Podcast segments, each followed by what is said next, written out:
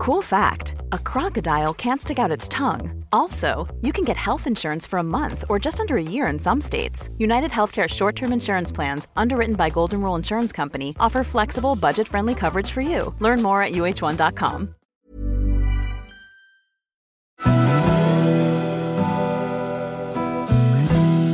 Välkommen till Stora relationsguiden. Podden där parterapeuten Anneli Östling tillsammans med sin sidekick Bella guidar dig genom allt som har med kärlek och relationer att göra. Följt av väl beprövade tips och råd.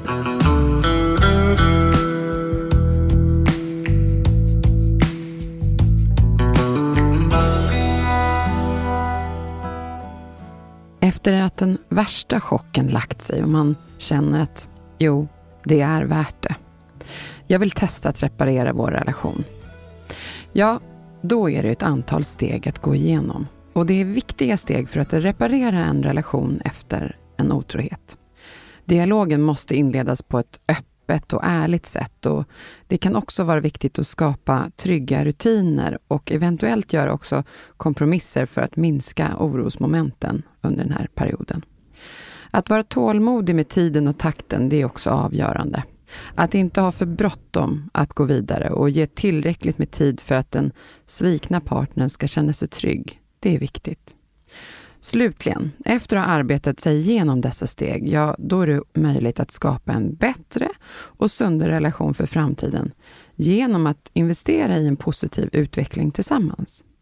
Vi hoppas nu att de här tipsen och råden som vi tar upp här i avsnittet idag kommer vara till hjälp för dig som lyssnar och att du och ni kan använda dem för att arbeta genom en, en svår tid i ert förhållande.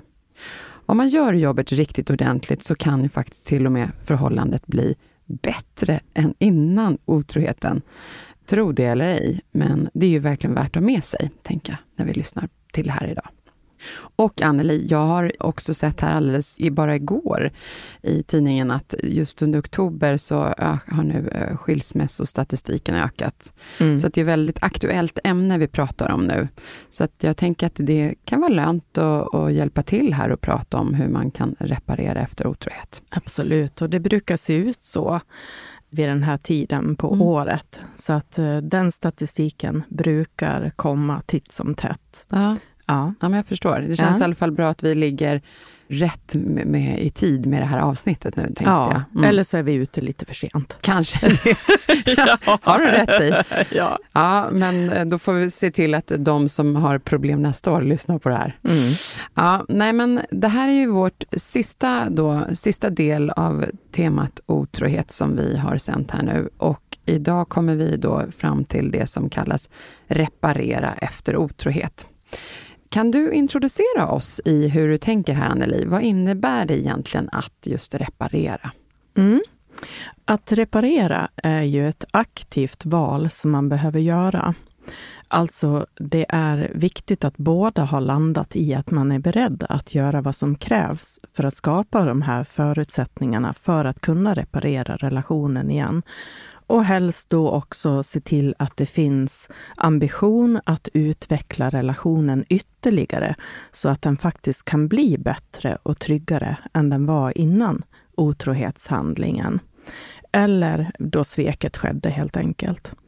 Och allt för många tar det här beslutet för snabbt och för lättvindigt, tycker jag.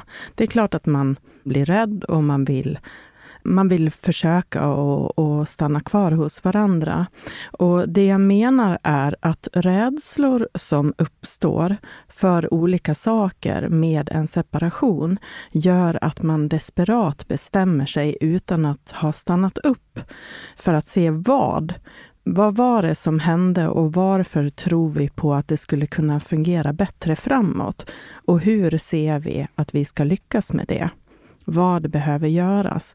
Alltså, man skulle kunna säga att någon form av en planering. Att mm. man bara stannar upp och tänker till lite innan man mm. bara kör rätt på. Och sen brukar ibland resultatet bli att ingenting har förändrats. Okej, ja, det låter ju väldigt sådär eh, självklart och klokt när du säger just så. Men jag kan förstå att många tar beslutet utan att prata igenom det där eftersom samtalsämnet är ju säkert både jobbigt och väldigt laddat såklart. Eller vad säger du om det? Ja, man försöker att ta en genväg för att slippa det där jobbiga helt enkelt. Och det är väl lite så vi människor är, att vi försöker undvika det som är jobbigt. Men de flesta är medvetna om att det behövs förberedelse och ett tydligt mål som man ska jobba emot för att lyckas. Och det gäller ju både privat och i yrkeslivet. Alltså förberedelse kan vara det som gör att man lyckas framåt. Mm, bra att du är tydlig med det här. Men med det sagt så är det ingen slump med ditt upplägg av de här olika otrohetsavsnitten. Förberedelsen för att kunna ta beslutet för att reparera, alltså det som vi pratade om i förra avsnittet när otroheten nyligen hade uppdagats.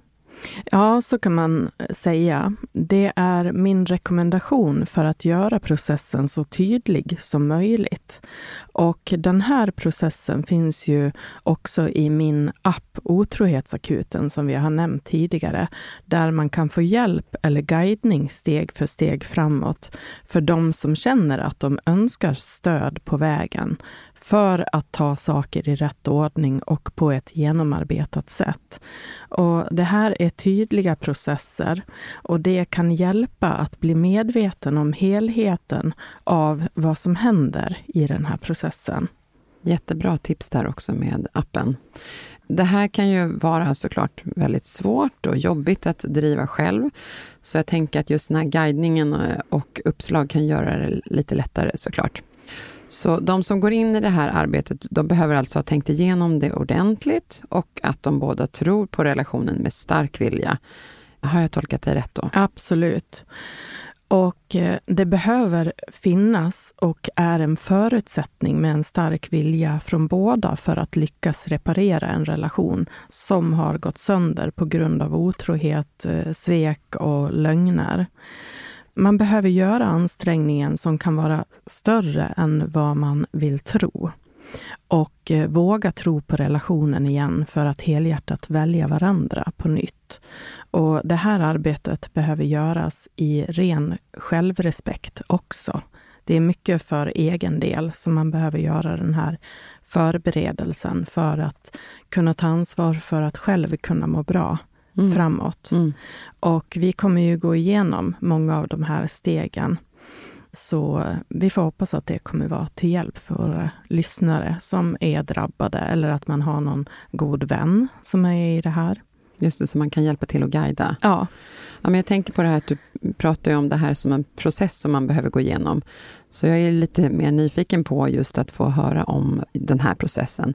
Är det möjligt för dig nu redan innan eh, att bara kortfattat berätta om de olika delarna, så vi vet vad man har förväntat sig genom avsnittet? Absolut.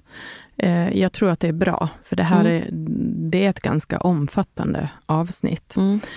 Vi kommer att prata om vikten av att avsluta affären på ett tydligt sätt för att den som blivit sviken kan lägga just den oron åt sidan. Att man inte behöver fundera på om den finns kvar.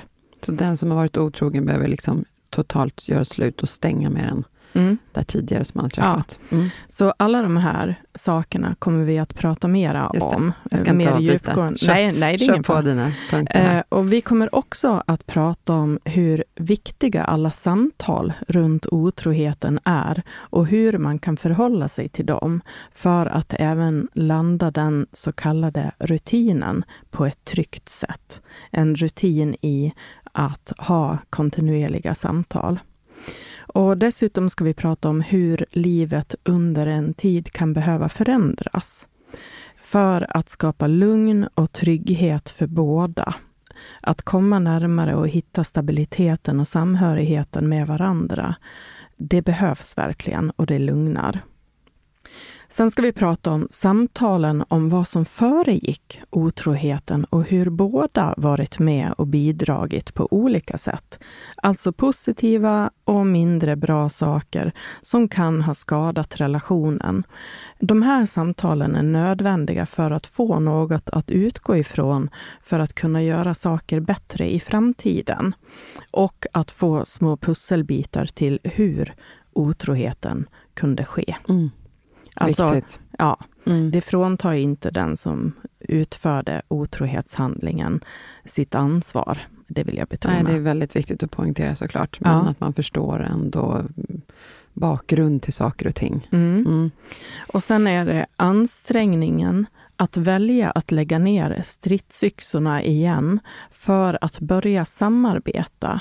Den tidpunkten kommer framåt när det värsta har lagt sig och när man till och med behöver börja tillföra värme, kärleksfullhet, förståelse och eh, att snälltolka varandra. Det här är inget man tänker på i början när allting är kaos, men man behöver göra det längre fram och åtminstone visa viljan till att göra det.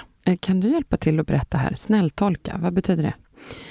Ja, men snälltolka, det betyder att man inte är för snabb med att, om man säger misstolka sin partner. Mm. En partner, om man anmärker på ordval och, och om man tolkar ett budskap negativt som egentligen kanske var ett litet taffligt försök till att visa omtanke. Mm. Så att snälltolka, att inte vara för snabb i att bli för arg på en partner för att man kanske valde fel ordval. Okej. Okay. Ja. Bra. Ja, och sen kommer vi också att prata om takten. Att se till att vara samstämda så att det inte den svikna släpar efter i sin process när svikaren vill gå vidare och blicka framåt det här behöver få ta tid. Och jag vill också betona här att för att göra det så tydligt som möjligt så kommer jag att benämna den svikna och svikaren med de orden, även om det kan kännas både tjatigt och hårt mm. att vara den där svikaren som man ja. ser framför sig med ett hundhuvud.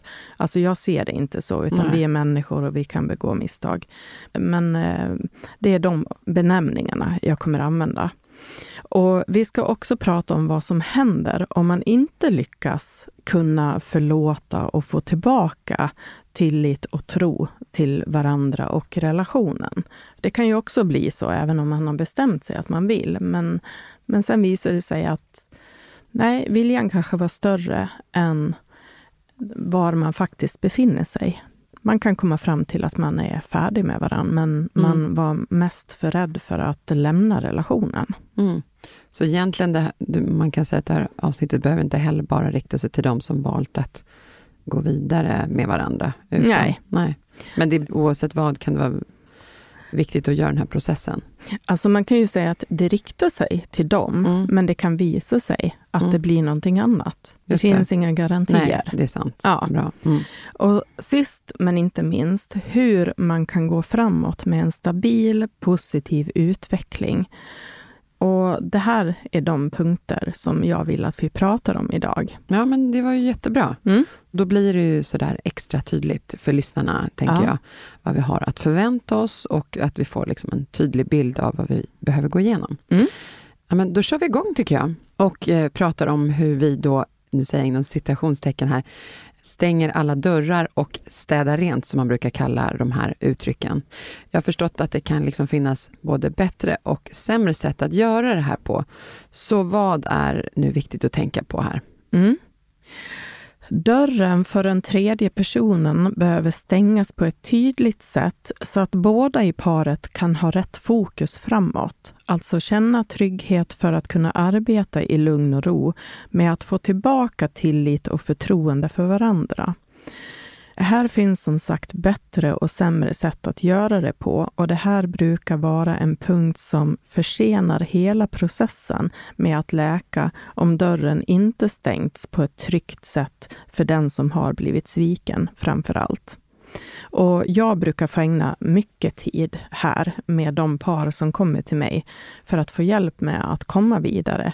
Det som är vanligt är att den svikna inte upplever eller har fått tillräckligt med insyn i hur det här har gjorts och lever kvar med en oro om att alla dörrar kanske inte är stängda. Finns det någon kontakt kvar? Vad var det du sa? Är det tydligt för den andra personen att du vill vara med mig? Och Det kan bero på att den svikna har fått bråka till sig också att svikaren ska skriva, ringa eller på något sätt kontakta den här tredje personen för att tydligt säga att allt var ett misstag, att det inte fanns någonting kvar av intresse. Det måste vara väldigt tufft att känna att man ja. som sviken ska behöva vara den som ligger på om det här. Ja, är det, det är vanligt ganska, tror du? Ja, det är ganska vanligt. Mm. Eller ja, det är vanligt, mm. i alla fall för de par som träffar mig. Men mm. de har väl också haft jobbigt med det mm. här. Och många gånger har svikaren gjort avslutet, men ibland är det både svårt och smärtsamt för svikaren att på ett ibland kallt, sårande och motsägelsefullt sätt göra det här efter att man har haft en ibland känsloladdad tid av förälskelse med den här personen. Mm. Man är rädd för att såra. Och det här kan ju också bli väldigt jobbigt för den som har blivit sviken. Ja, den där personen är du rädd för att såra, men vad har du gjort gentemot mig? Verkligen. Ja. Och den där personen som då svikaren har ju nu sviker två. Liksom. Ja, det, blir, ja, men eh, det mm. är ju konsekvenserna. Mm. Och det räcker ju inte bara med två, det kan ju bli många inblandade mm. som får ja, det jobbigt här. Ja. Men som sviken så vill man inte kännas vid eller höra om eller förstå att det faktiskt har varit eh, en förälskelse, att partnern faktiskt har velat vara i det här. Mm. Kanske inte ens hade velat ha det ogjort mm. för att det mm. gav så positiva känslor. Mm. Men vi kommer vidare. Vi kommer prata mer om det sen. Okej, okay. ja, jag förstår. Mm. När jag hör dig säga allt det här så tänker jag på en grej, att det tar ju lite emot att säga det här kanske, men en del av min rädsla att göra det med att man till viss del faktiskt kan känna kanske en empati även då för tredjeparten som också är faktiskt en människa med känslor och som också nu har blivit sårad och drabbats av då den här svikarens oansvariga hantering. Mm. Men jag förstår ju också att det är extremt viktigt att det här görs på ett tydligt sätt för att ge liksom de bästa förutsättningarna att kunna satsa på och läka och bygga upp den ursprungliga relationen egentligen. Mm. Men viktigt att säga är att jag kan ju såklart känna mycket för den här svikna som behöver känna trygghet i allt det här. Och det är den som behöver mest omvårdnad i allt det här. Ja, absolut. Mm. Och jag skulle vilja säga att det är svårt att skapa trygghet i relationen så länge som svikaren inte känner sig övertygad om att det här har gjorts tydligt. Mm. Så det är en bra påminnelse till alla där ute. Det kommer ja. ligga kvar som en trist slöja över arbetet och det kan mm. vara svårt att få tag på den här positiva energin. Mm. Att komma närmre varandra. Ja, och det kan ju säkert ta tid, men det ska vi komma mer till framåt här i mm. avsnittet. Mm. Ja, men då väljer jag att lämna just den här punkten och istället gå vidare med vikten av att komma in rätt och tryggt i dialogen. Vad innebär det, Anneli? Hur ska man tänka kring det här? Ja, dialogen är ju nödvändig och att komma in rätt i dialogen är viktigt och kan vara utmanande. Det tror jag vem som helst kan förstå. Ja, och gud, ja. Mm. Har man svårt att prata med varandra i normala fall, så blir det inte lättare i den här situationen. Det krävs några trevande samtal för att få båda att bidra på ett hjälpande, modigt sätt för att komma framåt i arbetet med att reparera. Och eh, tydlighet och sårbarhet från den svikna med vad man förväntar sig kan vara det som får svikaren att förstå allvaret här, som också väljer att ta mod till sig att vara med i samtalen vara ärlig och modig och dessutom tar ansvaret för att de här samtalen ska bli av. Och det är min varma rekommendation också, att det är svikaren som tar ansvar för dem. Vissa väljer till och med att schemalägga kontinuerliga samtal som ska hållas så länge den svikna behöver det. Och det blir bäst om den som har svikit tar ansvar för det på bestämda dagar, tidpunkter som man har bestämt att ha de här samtalen. Mm. Och jag vill lägga till också, jag tänker ändå, det här är ju ett jätteviktigt arbete om man vill liksom komma igenom det här. Jag skulle lägga till också att jättebra om man går till en parterapeut och kanske i alla fall får någon, om man inte har en intention att gå det under en längre period, så kanske som en start innan man sätter igång det här mm. eh, arbetet, för det måste vara så svårt. Liksom. Mm. Ja, har man coaching, problem med liksom. det så är ju det ett alternativ. Ja, ja, från början. Ja. Lite coaching i alla fall för att få någon, så här, verkligen jobba med det seriöst på det viset att man lär sig lite olika verktyg säkert. Ja. Ja, men eh, är det vanligt och troligt att svikaren tar på sig det här ansvaret då? Som vi pratar om? Ja, det varierar skulle jag säga. Många gör det, men många försöker också att slippa det. Glömma eller inte ta det här på allvar. Jag tror inte att jag behöver säga det, men svikare som gör det lyckas bättre med att få en sviken partner att bli tryggare och mera samarbetsvillig till och med förstående för svikaren. Alltså en framgång i dialogen är avgörande för slutresultatet här. Och eh, jag kan förstå att det är svårt, men eh, de som kommer till mig, där kan det vara som så att man, oj, nej, men det har inte blivit av och nej, men jag, jag har glömt eller det fanns inte tid för det. Men då brukar man få börja om igen. Så mm. att det liksom, vill man skynda på processen så tar man sig det här modet och gör det från början. Mm. Jätteviktigt att ja. du sa det här. Ja ja, men bra. Då vet vi det, för det låter ju ändå som ett framgångsrik väg framåt i det här. Ja, nej men jag går vidare med det här med att hitta de här trygga rutinerna under den här tiden. Kan du beskriva vad du menar med det och vad det kan innebära? Mm.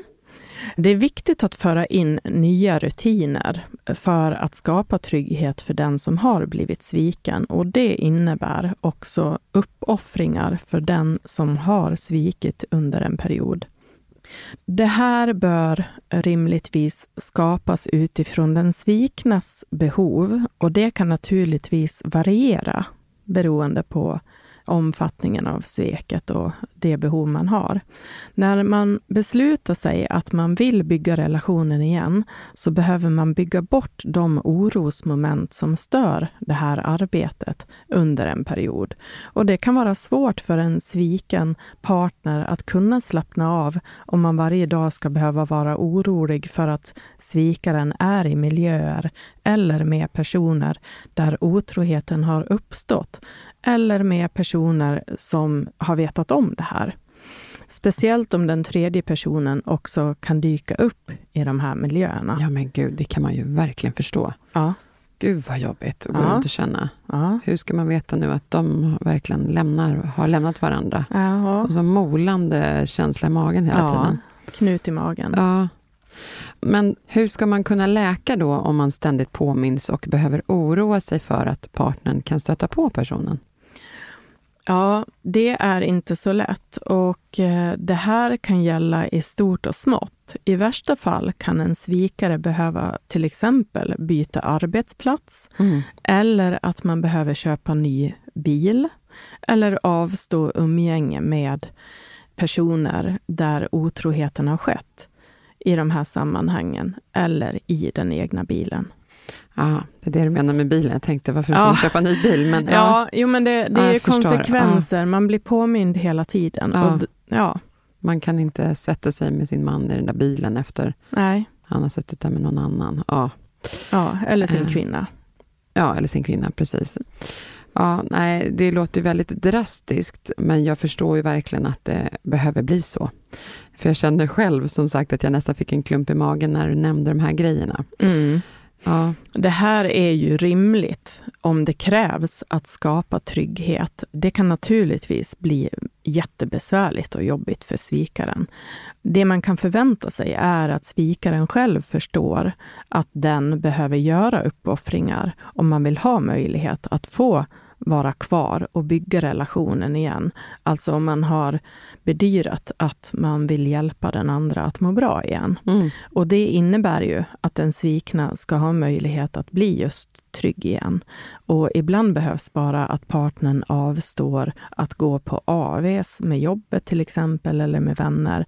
Eller inte åka ensam på resor eller gå till gymmet om personen brukar vistas där.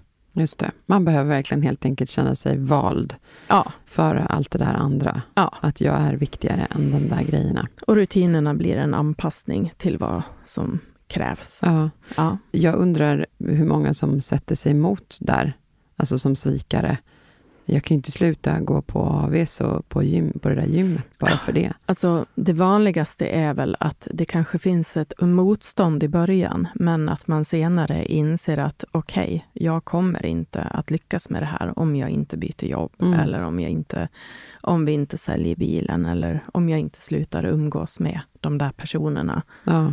Det här kan ju säkert upplevas väldigt utmanande. Men det är väl faktiskt de konsekvenser man får ta för att stanna med partnern. Mm. Ja, och jag förstår såklart att de här konsekvenserna kan ju verkligen se olika ut. Allt från en inte gå på just det där gymmet till att säga upp sig. Det är ju väldigt olika. Mm. Ja, nej, men eh, nu behöver vi gå vidare. Eh, vi har ju så mycket att gå igenom här idag. Jag tänkte på det att det är en sak att kunna börja prata med varandra och ha modet att göra det.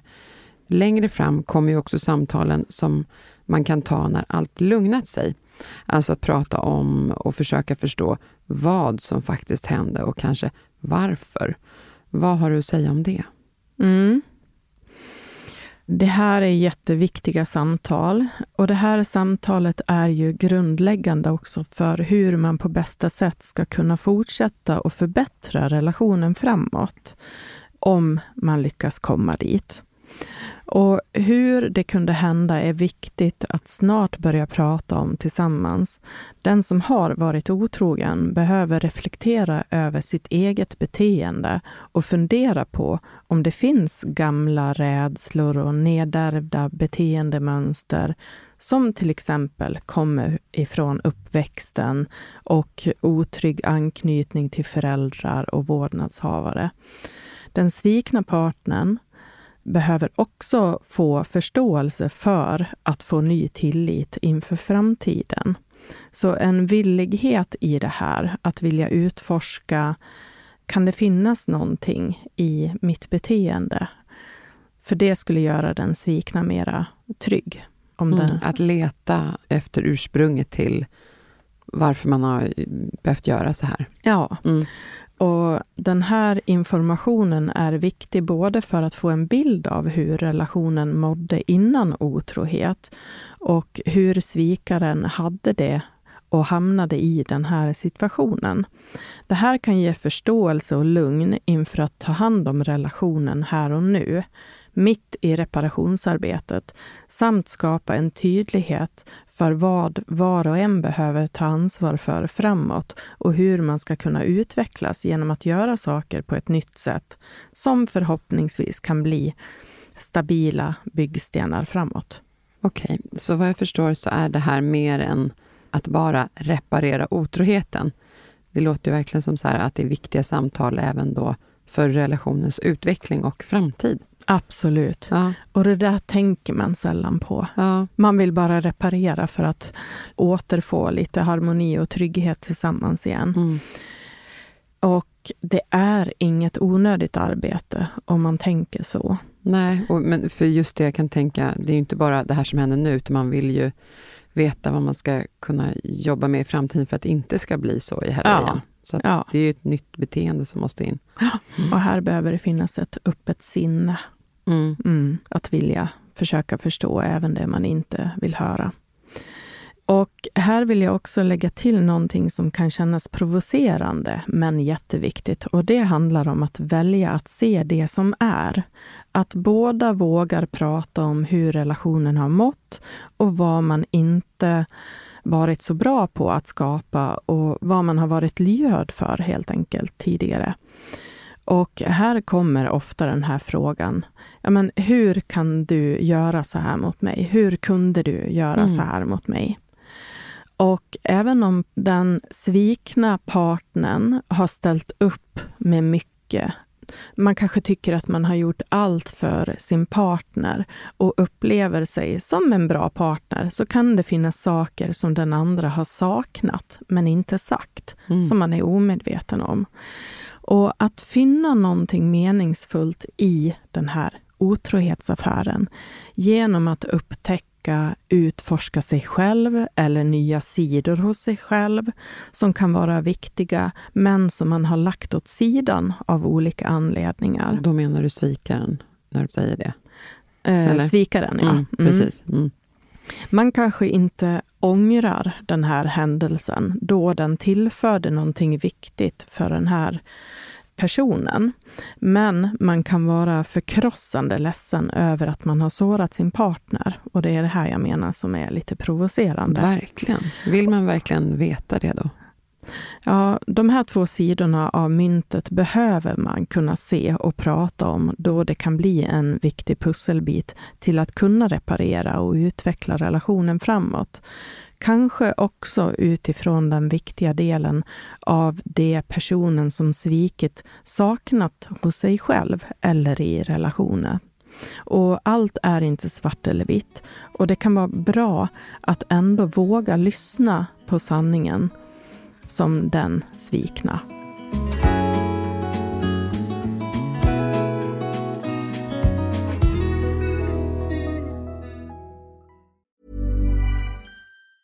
Have catch yourself eating the same flavorless dinner three days in a row? Dreaming of something better? Well, HelloFresh is your guilt-free dream come true, baby. It's me, Gigi Palmer. Let's wake up those taste buds with hot, juicy pecan-crusted chicken or garlic butter shrimp scampi. Mm. Hello Fresh. Stop dreaming of all the delicious possibilities and dig in at HelloFresh.com. Let's get this dinner party started. Here's a cool fact a crocodile can't stick out its tongue. Another cool fact you can get short term health insurance for a month or just under a year in some states.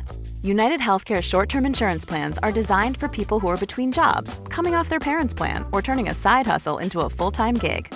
Underwritten by Golden Rule Insurance Company, they offer flexible, budget friendly coverage with access to a nationwide network of doctors and hospitals. Get more cool facts about United Healthcare short term plans at uh1.com.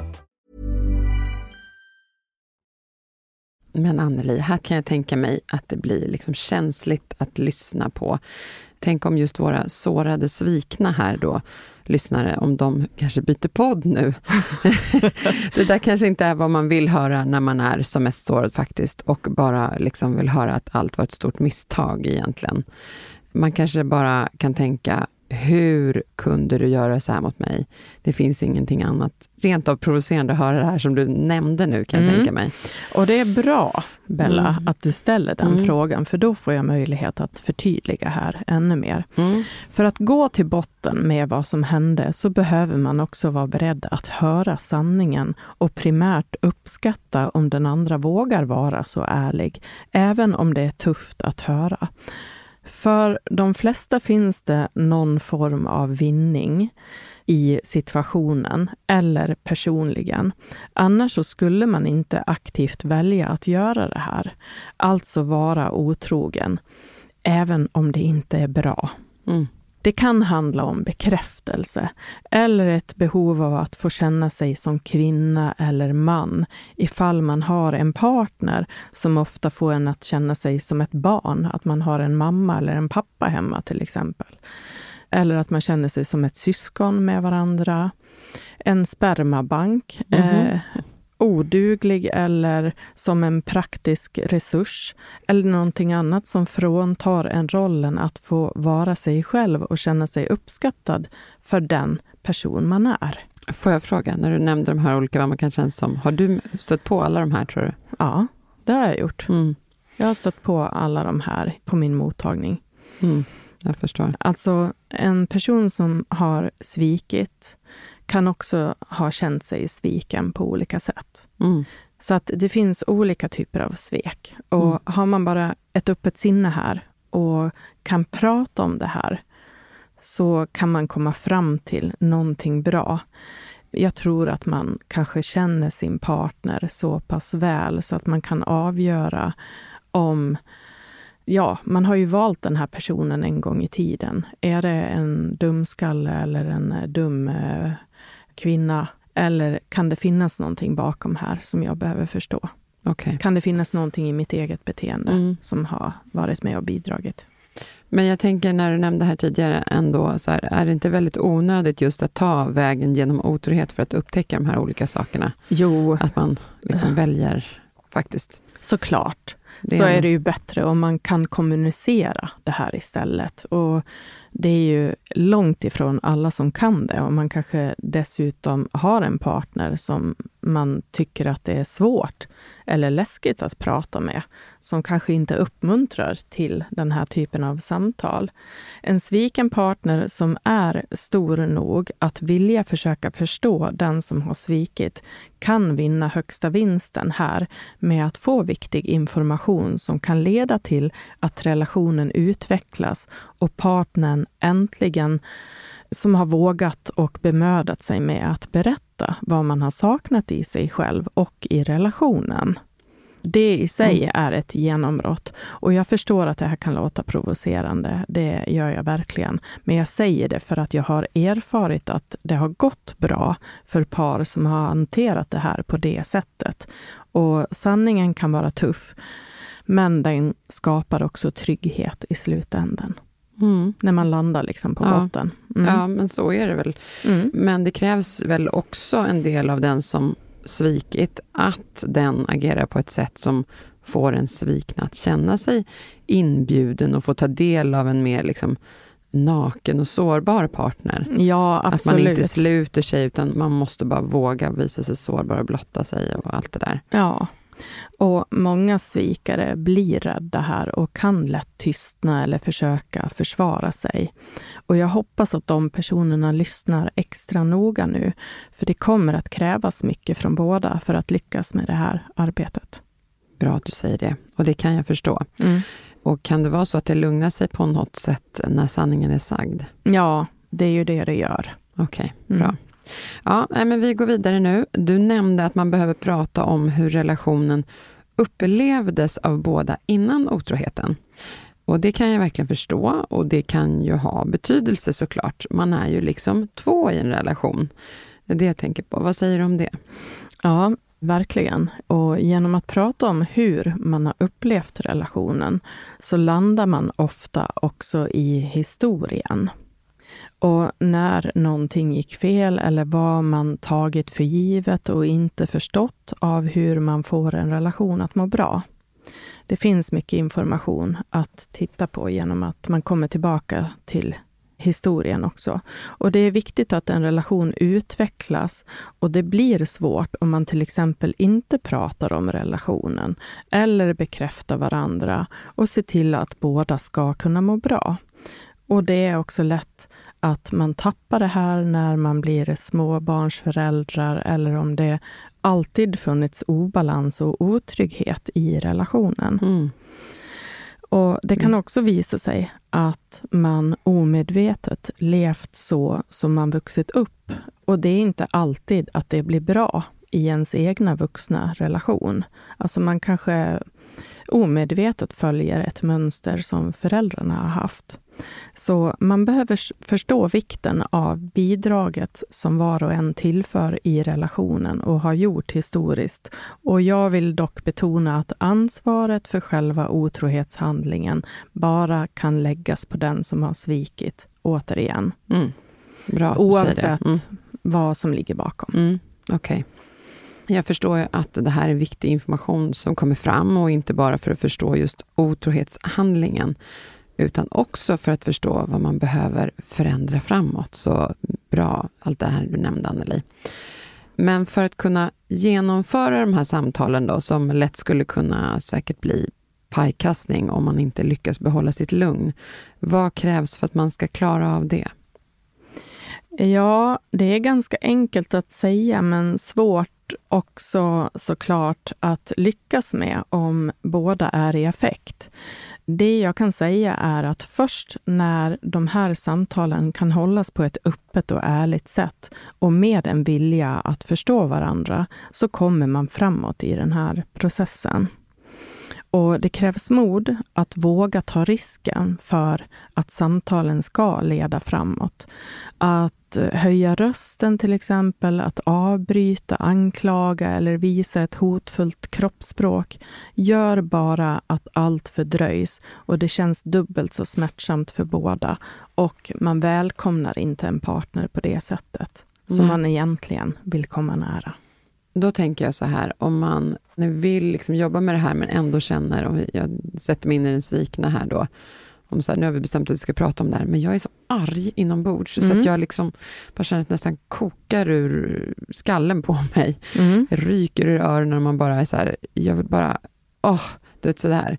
Mm. Man är inte mottaglig för att egentligen sitta och ha ett samtal. Är det bra liksom, temperaturmätare, så här, jag kanske inte ska ta det här samtalet nu. Jag är alldeles för arg i det här läget. Ja, dels så skulle man kunna säga det om man tar ett eget ansvar. Mm. Eller så får den som har svikit vara modig genom att bara finnas kvar, bekräfta, jag ser att du är arg, jag förstår att du är arg, men jag kan inte göra det här ogjort.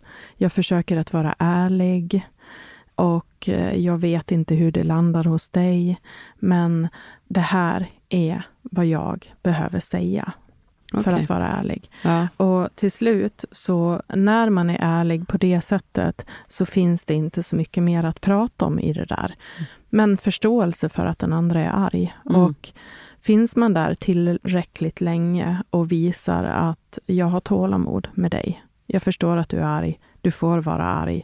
Jag stannar kvar. Jag, jag finns här. Mm. Då skapar det också mycket trygghet. Ja. Mm. Ja, nej, men jag märker att det mesta som vi rekommenderar eller tipsar om handlar just om att behandla varandra med ett lugn och det här du säger att välkomna och välja att lyssna och hålla tillbaka då starka känslor faktiskt. Mm. Och det kan ju uppfattas som fina ord, typ hur ska man kunna vara en sån här liksom vän, snäll och lugn när man är ju, just djupt sårad, tänker jag. Är det ens just rimligt att förvänta sig det?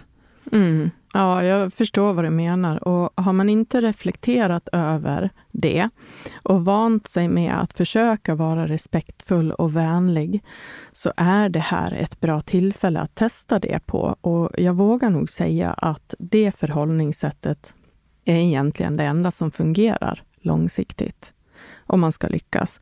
Om man blir mer kraftfull och respektingivande mot en partner som man är besviken på genom att agera på ett tydligt, bestämt och vänligt sätt. Man kanske vill vara arg, men man får ut mera av dialogen Mm. genom att vara det. Och genom att göra det så lämnar man automatiskt över ansvaret där det hör hemma, alltså hos den som har svikit. Och det får en partner att tänka till och inte glömma det som du har sagt Mm. när man behåller ett lugn. Man tar en person på större allvar då och det biter hårdare.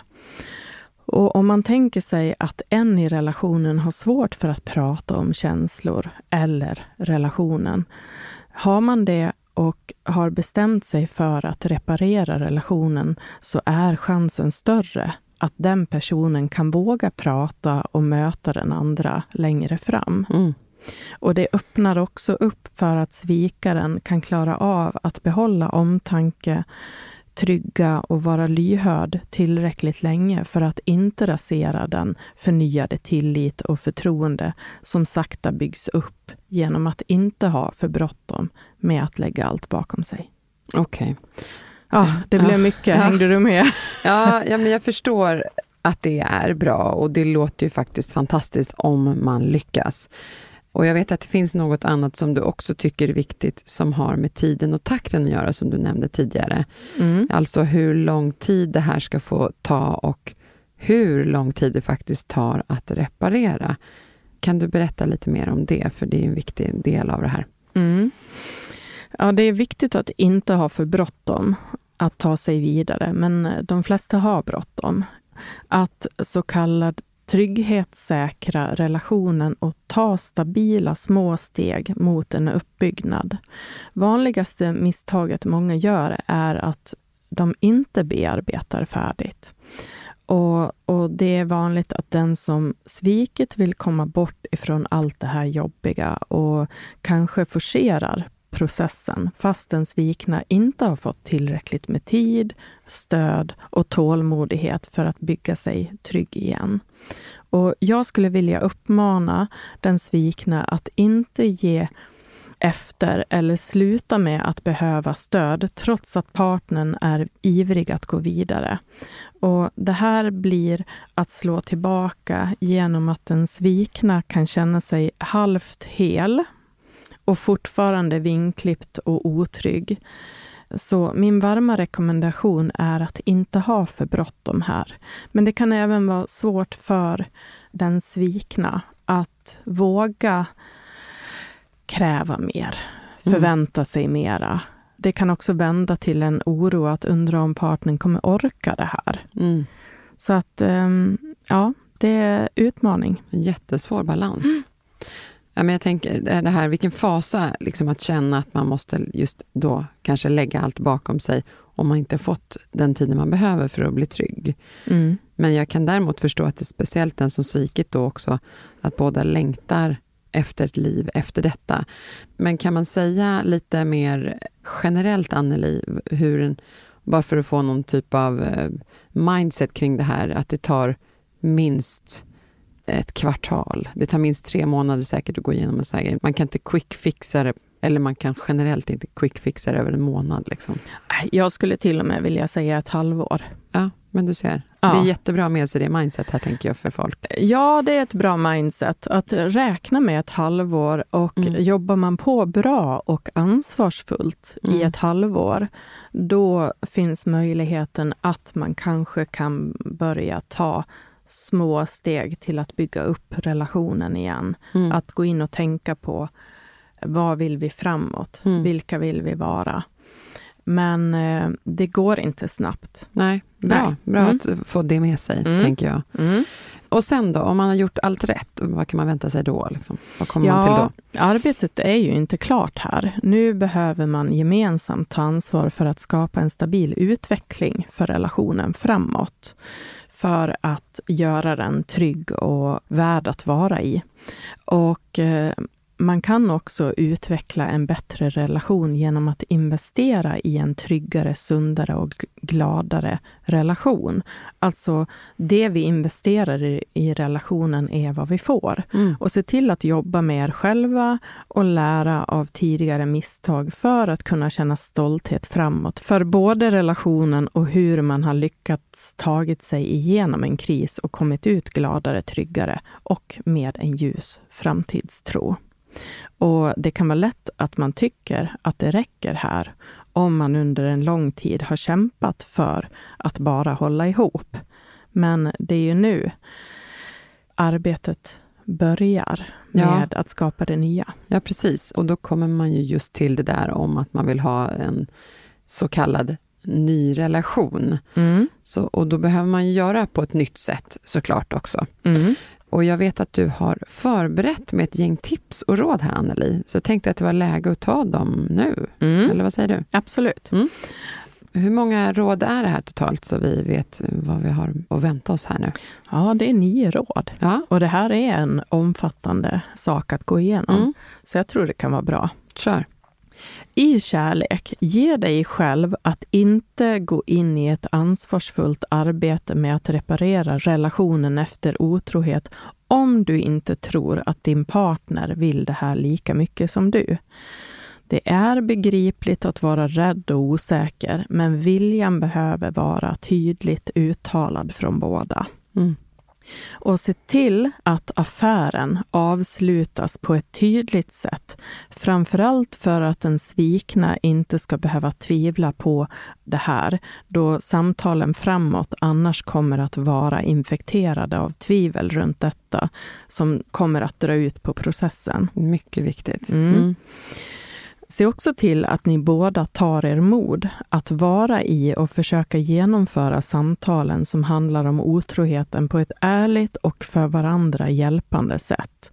Både i början och sen för att reda ut vad som hände och varför, samt för att kunna prata om vilka förändringar ni båda behöver göra individuellt och tillsammans för att relationen ska kunna utvecklas till någonting nytt. Och tipset är att schemalägga de här samtalen där svikaren tar ansvaret för att de blir av en tid i början när den svikna är som mest trasig. Mm. Och jag tänker just det här, ny uppdaterad relation, ny uppdaterad dialog. Ja. Det är bra att ha med sig. Mm. Det är ju ofta de här samtalen som kommer kännas värdefulla mm. efter det här arbetet. Att man har hamnat på en helt annan nivå och mm. lärt känna varandra mycket bättre. Mm. Och se till att skapa trygga rutiner som under en tid kan behöva förändras för att skapa lugn och trygghet för båda i det här arbetet. Och ta bort det som kan påminna om otroheten för att komma närmare och hitta stabiliteten och samhörigheten med varandra igen. Det behövs och det lugnar. Samtalen om vad som föregick otroheten och hur båda varit med och bidragit på olika sätt, alltså positiva och mindre bra saker som kan ha skadat relationen. De samtalen är nödvändiga för att få något att utgå ifrån för att kunna göra saker bättre i framtiden och också få små pusselbitar till hur otroheten kunde ske. Mm. Viktigt. Mm. Och när det värsta har lagt sig kan man till och med behöva tillföra värme, kärleksfullhet, förståelse och snälltolkning av varandra. Och det här är ingenting man tänker på i början, men behöver finnas längre fram, åtminstone viljan till det, för att komma nära varann igen. Och det är ansträngningen för att vilja att börja samarbeta. Den tidpunkten kommer framåt när man kommer behöva det. Mm. Jag förstår det. Och se till att vara samstämda så att inte den svikna släpar efter i sin process när svikaren vill gå vidare och blicka framåt. Det här behöver få ta tid, annars kan bakslaget komma när man inte längre vill backa tre steg tillbaka igen. Och då blir det en rejäl uppförsbacke. Mm, man behöver ha tålamod. Ja. Mm. Och om ni har gjort allt och ändå inte lyckas må bra tillsammans igen, eller om man inte lyckas kunna förlåta varandra och få tillbaka tillit och tro på relationen, då kan det bästa vara att gå skilda vägar och göra det bästa av det. Och det kan man klara om båda bjuder till för att kunna fortsätta, till exempel som gemensamma föräldrar, om man har barn ihop eller bara som vänner. Mm. Eller att man har spenderat eh, lång tid i livet tillsammans. Det är otroligt om man kan det ja. efter ett sånt här svek, om man inte ja. fortsätter. Ja. Nej, men eh, jag har sett det ske, så att mm. eh, ibland kan det handla mycket om en viljeansträngning. Mm och ansvar. Mm. Och sista punkten då. Försök inspireras av hur ni kan gå framåt med energi och en stabil positiv utveckling. Gör saker på ett nytt sätt för att få relationen att kännas energirik och glädjefylld så att den gör att båda känner sig stolta över den och sig själva. Mm. Mm. Det var det. Ja, men gud vad bra. Otroligt viktigt när man får det här uppstyltat för sig. Ja. Bra sammanfattning och gå ur avsnittet, för nu ska vi börja avrunda. Mm. Det känns ju kanske lite kaka på kaka med en liten sammanfattning, men jag tänker av det vi pratat om generellt, så vill ja. jag ändå sammanfatta lite så här, att det är viktigt att låta alla frågor som finns bli besvarade och sen att man pratar om varför man tror att man hamnat i den här situationen och att just då våga vara helt transparenta och det är jätteviktigt för att kunna bygga en stark relation för framtiden. Mm. Och sen har vi det här med att behålla ett lugn och en respektfull dialog för att kunna just möta varandra på ett bra sätt. Och det här som du sa lite mot slutet, förbered dig på det här att arbetet kommer ta tid. en mm. lång tid och ta inga genvägar. Jobbet måste göras ordentligt om man vill att det ska bli bra i framtiden. Helt sant. Och sen vill jag faktiskt avslutningsvis också passa på att påminna om att man kan gå in och ta hjälp från då Annelies app här som hon har utvecklat för det här viktiga arbetet som heter Otrohetsakuten. Och den finns ju där man hittar appar helt enkelt. Mm.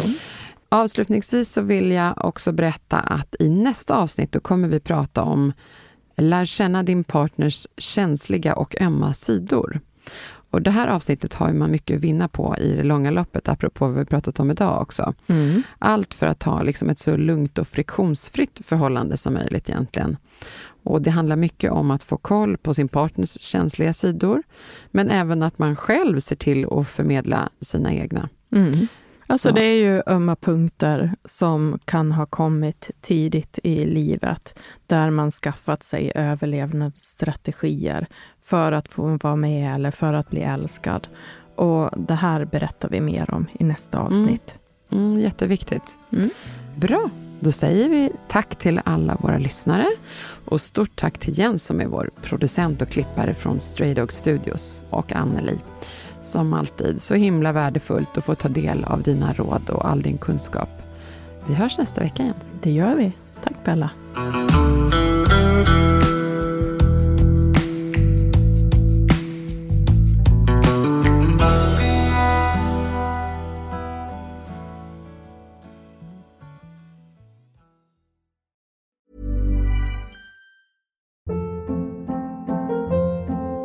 Hold up. What was that? Boring. No flavor. That was as bad as those leftovers you ate all week. Kiki Palmer here, and it's time to say hello to something fresh and guilt-free. Hello Fresh. Jazz up dinner with pecan-crusted chicken or garlic butter shrimp scampi. Now that's music to my mouth. Hello Fresh. Let's get this dinner party started. Discover all the delicious possibilities at hellofresh.com. Imagine the softest sheets you've ever felt. Now imagine them getting even softer over time. That's what you'll feel with Bowl and Branch's organic cotton sheets. In a recent customer survey, 96% replied that Bowl and Branch sheets get softer with every wash. Start getting your best night's sleep in these sheets that get softer and softer for years to come. Try their sheets with a 30-night guarantee. Plus, get 15% off your first order at bowlandbranch.com. Code BUTTERY. Exclusions apply. See site for details.